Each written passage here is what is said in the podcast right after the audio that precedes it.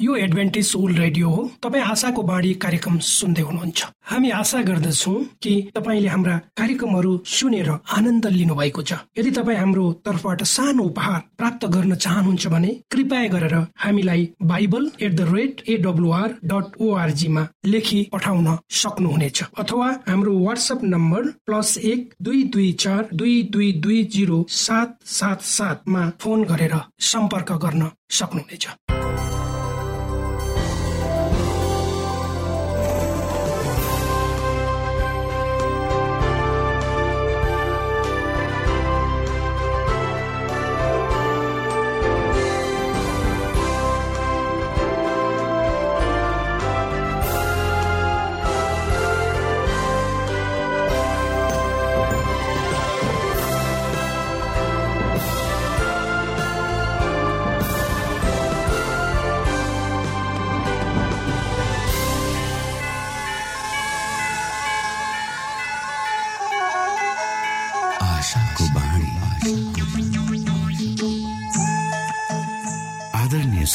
नमस्कार। यो समय तपाईँ एडभेन्टिस्ट ओल्ड रेडियोको प्रस्तुति भोइस अफ होप आशाको बाणी कार्यक्रम सुन्दै हुनुहुन्छ। कार्यक्रम प्रस्तुता म रवि यो समय तपाईँको साथमा छु। बाइबलले भन्दछ सारा भूमण्डल आकाश मण्डलको सृष्टिकर्ता परमेश्वर साँच्चै अचम्मको परमेश्वर हुनुहुन्छ। के तपाईँलाई थाहा छ? यस्तो सारा जगतको अधिपत्य परमेश्वर मानिस जातिले बुबा भनी बोलाएको रुचाउनुहुन्छ परमेश्वर बादल पारिरहने केही डरलाग्दो न्यायकर्ता होइन। तर हामी हरेकको निम्ति आमा बुबा जस्तै नजिकको आत्मीय सम्बन्धमा रहने परमेश्वर हुनुहुन्छ। यस्तो प्रेमी र परमेश्वरको विषयमा धेरै भन्दा धेरै जानकारी लिएर आफ्नो जीवनको बाँच्नुको उद्देश्यलाई बुझ्न सक्नुहुनेछ। जीवनको अर्थ बुझ्नु हाम्रो उत्तरदायित्व हो। आशाको बाणी कार्यक्रमले यी गहन कुराहरू बुझ्न तपाईँलाई मदत गर्दछ।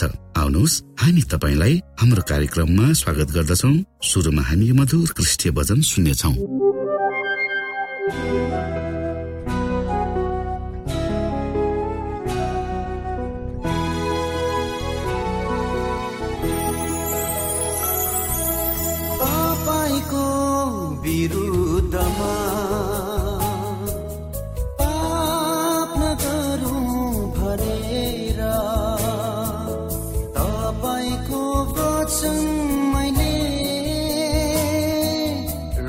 म राखेको छु।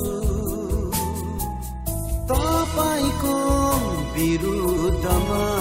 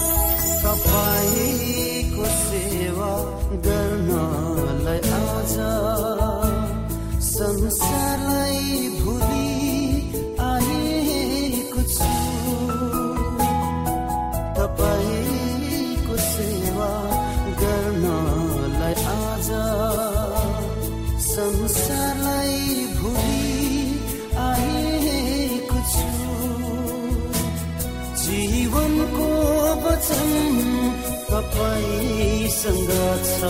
म छोडी जाउँ कहाँ? हे स्वामी यीशु राजा तपाईँको विरुद्धमा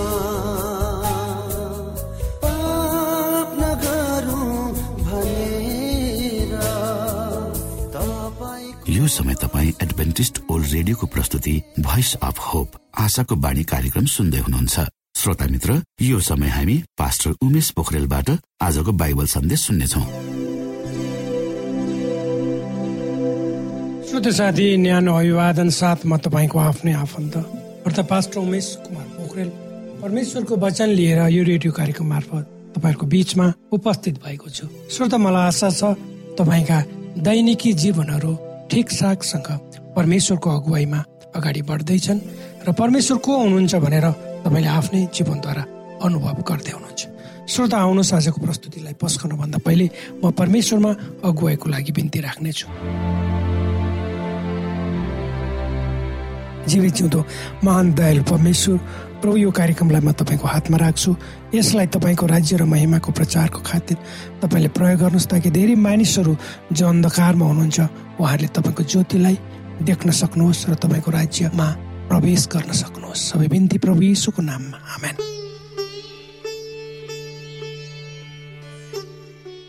त साथी आजको मेरो प्रस्तुतिको शीर्षक छ समयको अन्त्य वा ढोका बन्द।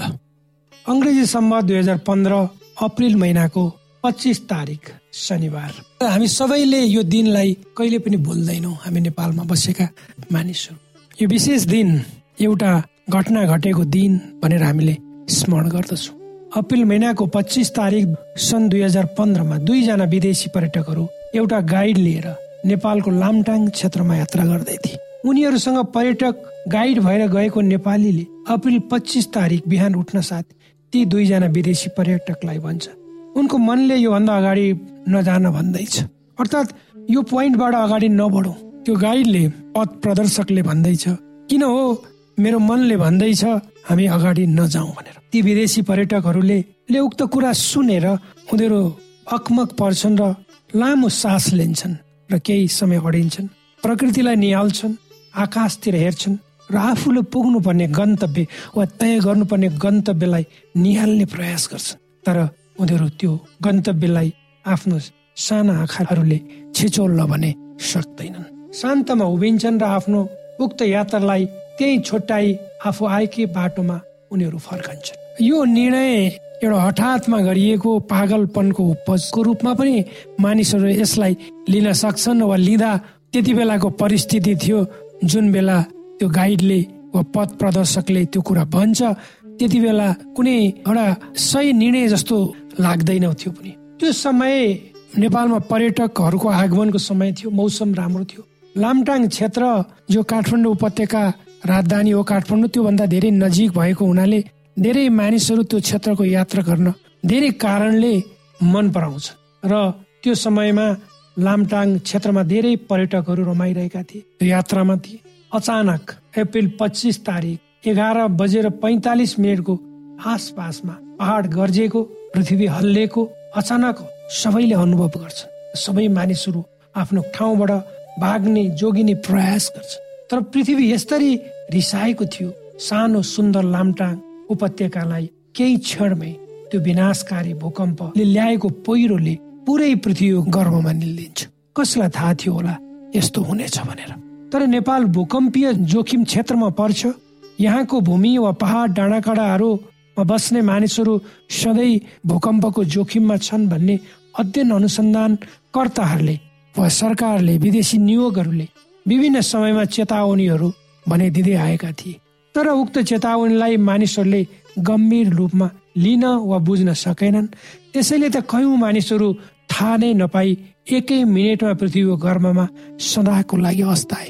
र त्यो दिन लामटाङ क्षेत्रमा तिन सय दसजना मानिसहरूको मृत्यु भयो। त्यसमा एक सय छत्तरजना स्थानीय थिए असीजना विदेशी पर्यटकहरू थिए र दसजना नेपाली सेनाहरू थिए। यी सबैले अनाहक रूपमा आफ्नो ज्यान गुमाए र पृथ्वीले यिनीहरूलाई सदा सदाको लागि निल्यो।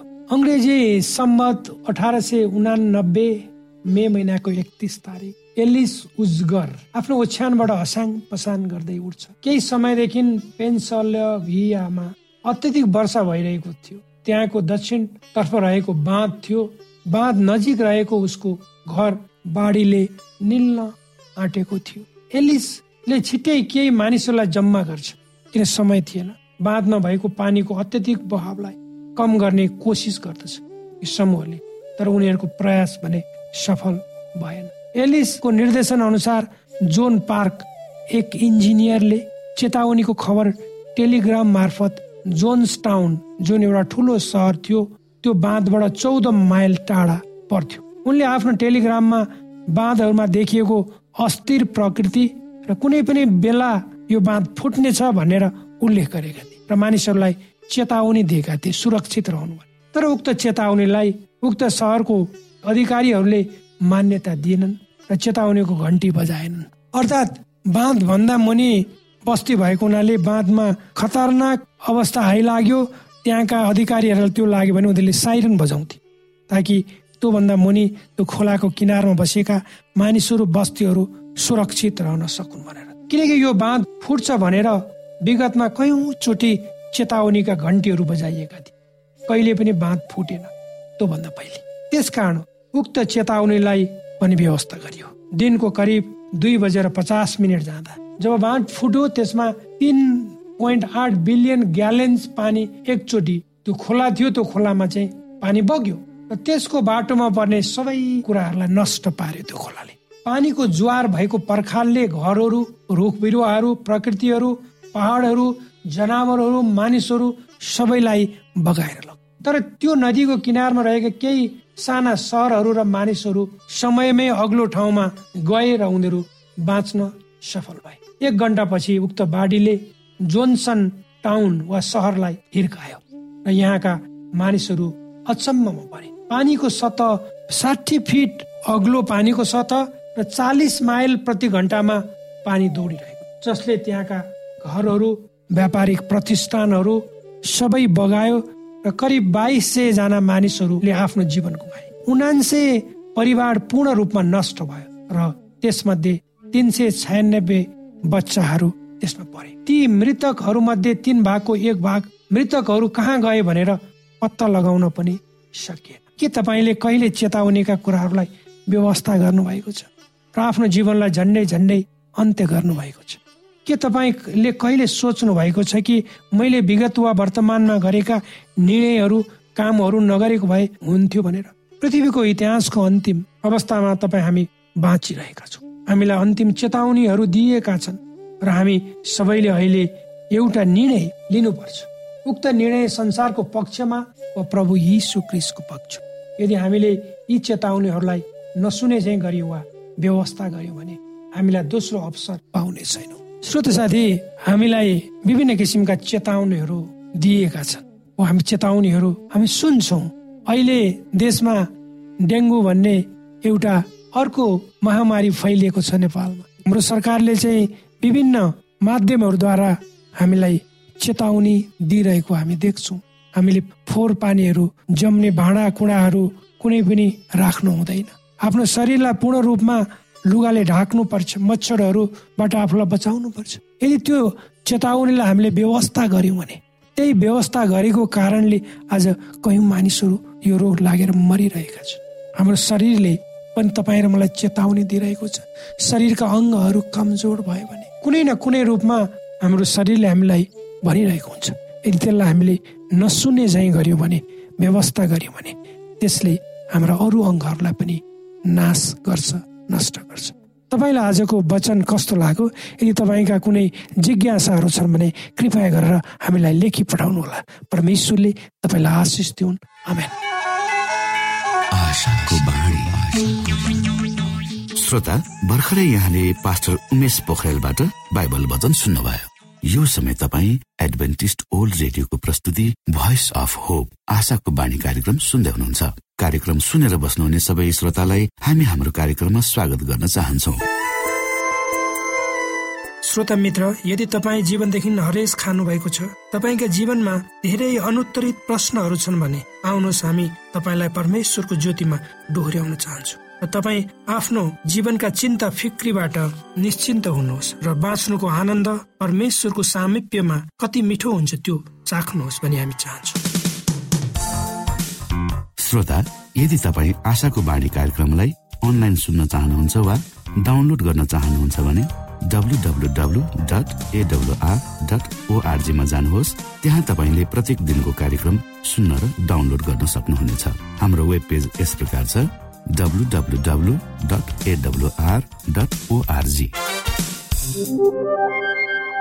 श्रोता यदि तपाईँ हामीसित सिधै फोनमा सम्पर्क गर्न चाहनुहुन्छ भने हाम्रा नम्बरहरू यस प्रकार छन्। अन्ठानब्बे एकसाठी पचपन्न शून्य एक सय बिस र अर्को अन्ठानब्बे अठार त्रिपन्न पन्चानब्बे पचपन्न।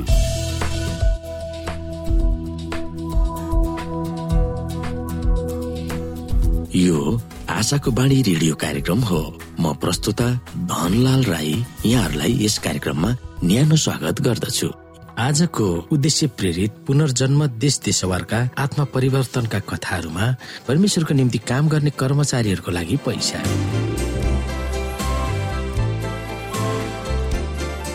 हाम्रो योजना अत्यन्तै ठुलो वा महत्वकांक्षी थियो। सुसमाचार नपुगेका देशहरूमा पच्चिस जना दक्षिण अमेरिकाबाट स्वयंसेवक दम्पतिहरू पठाउने हाम्रो योजना थियो। दक्षिण अमेरिका डिभिजनको अध्यक्ष इर्टोन कोहलरले सिमिनेरिज टु द ओल्ड कार्यपत्र दक्षिण अमेरिका ब्राजिलको राजधानी ब्रासिलियामा रहेको चर्चको मुख्यालयमा प्रस्तुत गर्दै थिए। त्यस बेला दक्षिण अमेरिका भरिका अस्सी जना सेभेन द एडभान्टेज अगुवाहरू सहभागी भएका थिए। सन् दुई हजार चौधको कुरा हो यो। त्यो कार्यपत्र मैले अत्यन्तै चासो मानेर सुनिरहे। विशेष गरेर मध्यपूर्व एसियाका चर्चहरूले सामना गरिरहेका चुनौतीहरूको बारेमा पास्टर कोहलरले सुनाए। त्यहाँ मानवीय र आर्थिक स्रोतको अभाव भएको पनि उनले बताए। हाम्रो डिभिजनले पच्चिस जना विवाहित दम्पतिहरूलाई त्यहाँ पठाउन सक्छ। तिनीहरूलाई पाँच वर्षसम्म चाहिने सबै खर्च हाम्रो डिभिजनले बिहोर्न सक्छ भनेर पनि उनले सुनाए। तिनीहरूलाई चाहिने घर खर्च जान आउने खर्च र बिमाको निम्ति पनि दक्षिण अमेरिकाका सेभेन द एडभान्टेज चर्चले जिम्मेवारी लिन सक्छ भन्ने उनको जिकिर थियो। सुरुमा चाहिने आर्थिक सहयोगको निम्ति उनले हामीसँग अनुरोध गरे। त्यहाँ भेला भएका हामीहरू कुनै न कुनै कन्फरेन्स वा चर्चको निकायका अध्यक्ष थियौँ। म सेन्ट्रल वेस्ट अर्जेन्टिना मिसनको अध्यक्ष थिएँ। हाम्रो क्षेत्र सानो थियो र हामीसँग थोरै मात्र पैसा थियो। हाम्रो चर्चको निम्ति हामीले अर्जेन्टिना युनियन कन्फरेन्समा भर पर्नु परेको थियो। हाम्रो चर्चको सदस्यको आधारमा आर्थिक सहयोग जुटाउन प्रयास गरियोस् भनेर पास्टर कोहलरले सुझाव दिए तर सबै कन्फरेन्स र मिसन निकायहरू आर्थिक रूपमा सम्पन्न भएका छैनन् भनेर मैले सोचे। फेरि चर्चमा नियमित रूपमा आउने आधिकारिक सदस्यहरू र कहिलेकाहीँ मात्र आउने सदस्यहरूमा भएका भिन्नता पनि समस्याकै रूपमा थिए। कसैले मेरो मिसनमा दस हजार चर्चका सदस्यहरू छन् भनेर आँकडामा भने तापनि केवल पाँच हजार मात्रै नियमित रूपमा प्रत्येक साबतमा जान्छन्। स्वयंसेवकहरूलाई पठाउने प्रस्तावमा मैले पनि प्रतिज्ञा गर्नु परेको थियो। मेरो मुटु ढुकढुक भयो। हामीसँग भएका चर्चका सदस्यहरूको अनुपातमा बजेट निकै कम थियो। तर ती सदस्यहरूकै आधारमा मैले प्रतिज्ञा गर्नु परेको थियो। त्यसको अर्थ हामीमा हुने आय व्ययले धान्नै नसक्ने गरी मैले ठुलो प्रतिज्ञा गर्नु परेको थियो। हामीले बेहोर्न सक्छौँ कि सक्दैनौँ भनेर सोध्न हाम्रा खजान्सी पनि मसँग थिएनन्। त्यो निर्णय म आफैले गर्न सकेको थिइनँ। त्यही पनि मैले प्रार्थना गरेँ र हाम्रो चर्चको जनसङ्ख्या दस हजारको अनुपातमा सहयोग गर्ने वचन दिएँ। अनि मैले खजान्सीलाई एसएमएस गरेँ। के गर्ने हामीले हाम्रो भाग अनुसार खर्च बेहोर्नै पर्छ। हुन्छ भनेर उनले तुरन्तै खबर पठाए। त्यस आयोजनामा उनले पनि साथ दिन चाहेका थिए। दुई हप्तापछि मेरो अफिसमा मलाई आश्चर्यचकित पार्ने कुराले मलाई पर्खिरहेको थियो। एकजना चर्चको सदस्यले नसोचेकै बेलामा केही जग्गा जमिन बेचेर उनले दशांशको ठुलो राशि चर्चमा बुझाए। त्यो दशांश डिभिजनले मिसनरी कामको सुरुको निम्ति मागेको भन्दा तीन गुणा बढी थियो जसले दशांश दिए उसैले पहिला धेरै फाइदा उठाए भन्ने कुरामा म विश्वस्त छु। दक्षिण अमेरिकी डिभिजनले सुरु गरेको सुसमाचार सुनाउने महत्वकांक्षी आयोजनाबाट ल्याएको आशिष सबभन्दा धेरै सेन्ट्रल अर्जेन्टिना मिसनका चर्चका सदस्यहरूले पाए भनेर म दावी गर्न चाहन्छु। होरेसियो रिजेले सेन्ट्रल वेस्ट अर्जेन्टिना मिसनको अध्यक्ष भएर तीन वर्ष काम गरेका थिए अनि सन् दुई हजार सोह्रमा उनी अर्जेन्टिनाको रिभर प्लेट युनिभर्सिटीको अध्यक्षमा नियुक्त भएका थिए सो विश्वविद्यालयबाट ग्रेजुएट भएका तीनजना दम्पतिहरू विदेशमा परमेश्वरको निम्ति स्वयंसेवक भएर काम गरिरहेका छन्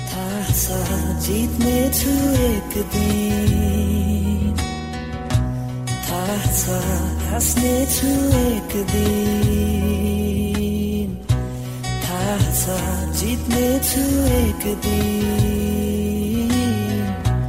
थाहा छ हाँस्नेछु एक दिन।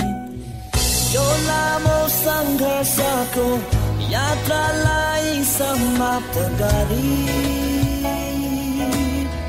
तिमीसम्म आइपुग्नेछु एक दिन।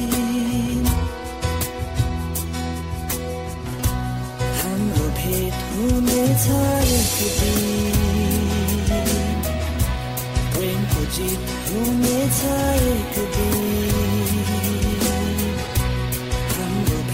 हुनेछ एक दिन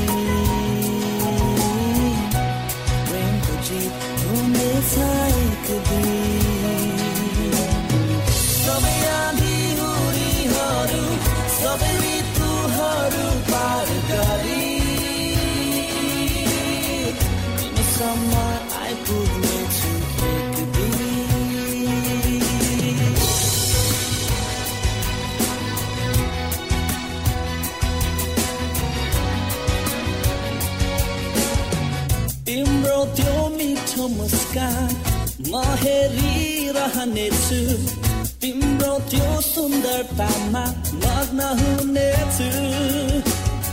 साकार हुनेछ मेरो सपना जीवन भरको। बसमा नै हुने छैन हृदयको। प्रेमको शत्रुहरूको आदरणीय मित्र बाइबलले बताएको छ परमेश्वरले तिर्खाकाहरूलाई तृप्त पार्नुहुन्छ र भोकालाई उत्तम पदार्थले सन्तुष्ट पार्नुहुन्छ। हामीलाई दिइएको यो छोटो समय आशाको बाणीको प्रस्तुतिको समयमा हामीले हाम्रा श्रोताको आत्मिक भोकलाई केही मात्रामा भए तापनि सही प्रकारको खोराक पस्केर आत्मिक सन्तुष्टि दिन सकेका छौं केही ऊर्जा थप्न सकेका छौं भनेर हामीले आशा राखेका छौं। आफ्ना मनमा भएका केही दुविधा र शंकाहरू छन् भने अवश्य हामीसँग बाँडेर शंकाको निवारण गर्नुहुनेछ र सही प्रकारको बाटो पहिल्याउन सक्नुहुनेछ परमेश्वरको सच्चाइले अझ राम्रो बुझ्न सक्नुहुनेछ र आफ्नो जीवनलाई परमेश्वरमा पूर्ण समर्पित भएर समर्पण सहितको जीवन बिताउन सक्नुहुनेछ भनेर आशा राख्दै अब हामी हाम्रो कार्यक्रम सकिएको जानकारी यहाँलाई गराउन चाहन्छौ। जानुभन्दा अगाडि श्रोता हामी यहाँलाई हाम्रो ठेगानाको विषयमा जानकारी गरौं। हामीसँग पत्राचार गर्ने हाम्रो ठेगाना यस प्रकार छ।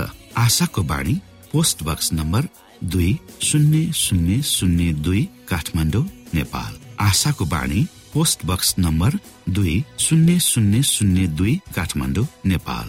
यसै गरी श्रोता यदि तपाईँ हामीसँग सिधै कुराकानी गर्न चाहनुहुन्छ भने हाम्रो फोन नम्बर यस प्रकार छ अन्ठानब्बे एकसाठी पचपन्न शून्य एक सय बिस। अन्ठानब्बे एकसाठी पचपन्न शून्य एक सय बिस र अर्को अन्ठानब्बे अठार त्रिपन्न पञ्चानब्बे पचपन्न। अन्ठानब्बे अठार त्रिपन्न पञ्चानब्बे पचपन्न। हामीलाई इमेल पनि गर्न सक्नुहुन्छ। हाम्रो इमेल एड्रेस यस प्रकार छ Nepal at AWR dot ORG Nepal at AWR dot ORG यदि तपाईँ हामीलाई अनलाइन सुन्न चाहनुहुन्छ वा डाउनलोड गर्न चाहनुहुन्छ भने तपाईँ